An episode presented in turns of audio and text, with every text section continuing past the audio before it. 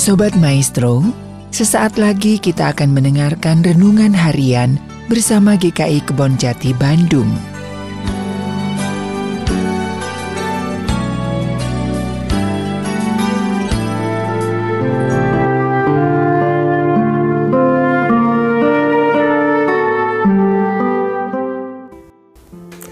Salam sejahtera saudara-saudara, kembali lagi bersama saya Alfian Dito Yuliandiki di dalam program Renungan Harian pada hari ini. Tema kita pada hari ini adalah mengatasi musuh. Dengan ayat dasar landasan kita adalah Matius 5 ayat 43 sampai 48. Saya akan bacakan untuk saudara-saudara. Kamu telah mendengar firman, kasihilah sesamamu manusia dan bencilah musuhmu. Tetapi aku berkata kepadamu, kasihilah musuhmu dan berdoalah bagi mereka yang menganiaya kamu. Karena dengan demikian kamu menjadi anak-anak Bapamu yang di sorga, yang menerbitkan matahari bagi orang yang jahat dan orang yang baik, dan menurunkan hujan bagi orang yang benar dan orang yang tidak benar. Apabila kamu mengasihi orang yang mengasihi kamu, apakah upahmu? Bukankah pemungut cukai juga berbuat demikian? Dan apabila kamu hanya memberi salam kepada saudara-saudaramu saja, apakah lebihnya daripada perbuatan orang lain? Bukankah orang yang tidak mengenal Allah pun berbuat demikian? Karena itu, haruslah kamu sempurna, sama seperti Bapamu yang di sorga adalah sempurna. Saudara-saudara, pada renungan kemarin kita belajar tentang dorongan naluriah pada setiap orang, yakni dorongan tentang kedirian. Kedirian ini adalah sebuah kerinduan untuk diterima dan diakui oleh orang-orang lain. Sekarang pada saat ini kita akan membahas tentang dorongan lainnya yakni dorongan untuk mengatasi musuh. Bayangkan jika saudara-saudara bertemu dengan seseorang yang melecehkan harga diri kita, meremehkan kedirian kita, menyakiti hati, bahkan menyakiti fisik kita. Tentu kita akan menganggap orang itu adalah musuh kita. Kalau mungkin kita tentu pasti nggak ingin rasanya ketemu sama orang-orang yang ingin menyakiti hati kita kalau kita sudah tahu. Kalau bisa itu jangan sampai deh kita ketemu orang-orang yang seperti demikian. Namun bagaimana kalau ternyata kita tidak bisa menghindar dan harus bertemu dengan orang tersebut berhadapan? Maka secara naluri kita mengatakan apa boleh buat, kita harus mengalahkannya.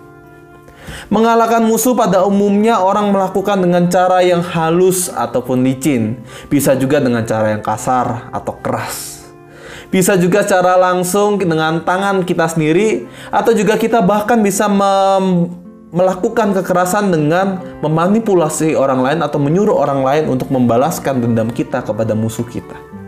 Caranya bermacam-macam tetapi intinya satu, yakni kita mencoba mengatasi musuh kita dengan cara mengalahkannya. Sama halnya dengan dorongan naluriah yang lain, hal ini bukanlah tentang soal benar atau salah. Ini adalah sesuatu yang alami, yang natural, yang kodrati, bahkan sangat wajar. Bahkan mungkin kita bisa mengatakan ini adalah hal yang manusiawi ketika kita mengalami kekerasan, mengalami sakit hati, kita ingin membalas itu.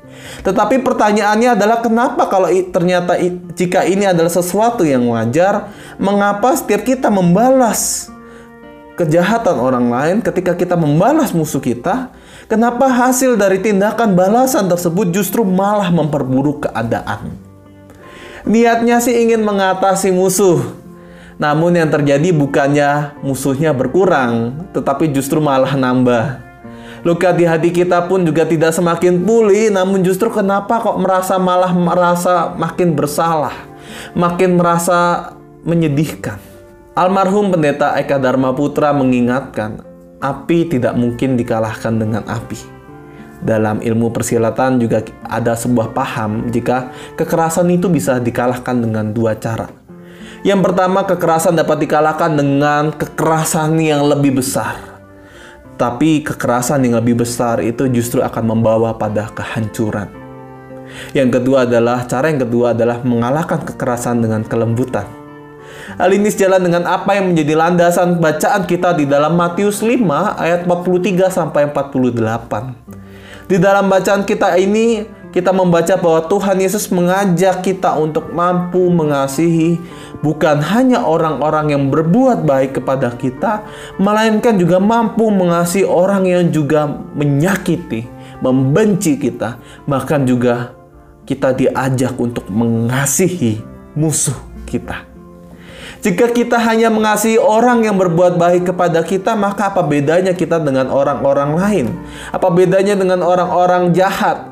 Orang yang jahat berbuat kriminal pun juga tentu akan berbuat baik kepada orang yang baik kepadanya ataupun sepemahaman dengannya.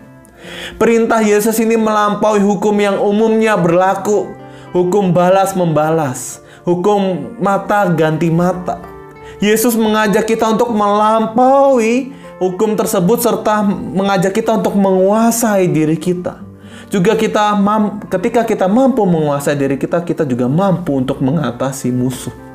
Mengatasi musuh di sini bukan bukan berarti tentang membalas tindakan musuh dengan kekerasan, membalas kekerasan dengan kekerasan, melainkan mampu untuk mengatasi musuh kita dengan kelemah lembutan. Kekerasan tidak akan menjadi akhir saudara-saudara karena akan selalu ada rentetan-rentetan kekerasan berikutnya. Itu seperti roda berputar dan kekerasan itu sebagai lingkaran di mana kita terjebak dalam lingkaran kekerasan. Namun ketika kita membalas kekerasan dengan kasih, maka sejatinya kita mengakhiri lingkaran kekerasan tersebut. Kita mengakhiri lingkaran kebencian yang ada satu sama lain. Hidup yang berkemenangan bukanlah hidup yang mengalahkan orang lain, melainkan hidup yang mampu mengalahkan diri sendiri. Bila Anda mampu untuk mengalahkan nafsu amarah, nafsu benci, nafsu dendam, maka sejatinya kita selangkah lebih lebih maju di dalam hidup yang penuh berkemenangan. Marilah kita bersama-sama untuk mencoba belajar memutus rantai kekerasan dengan membalas kekerasan dengan kasih. Mungkin kita menjadi korban, mungkin kita merasa kita menjadi korban terakhir. Tetapi dengan membalas dengan kasih itu, kita memutus rantai kebencian. Kita memutus rantai kekerasan yang semakin lama akan semakin memperburuk keadaan.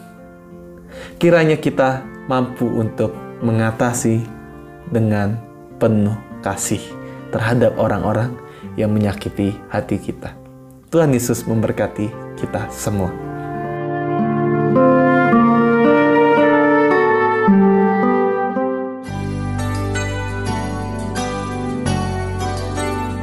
Sobat Maestro, baru saja Anda mendengarkan renungan harian bersama GKI Kebon Jati Bandung.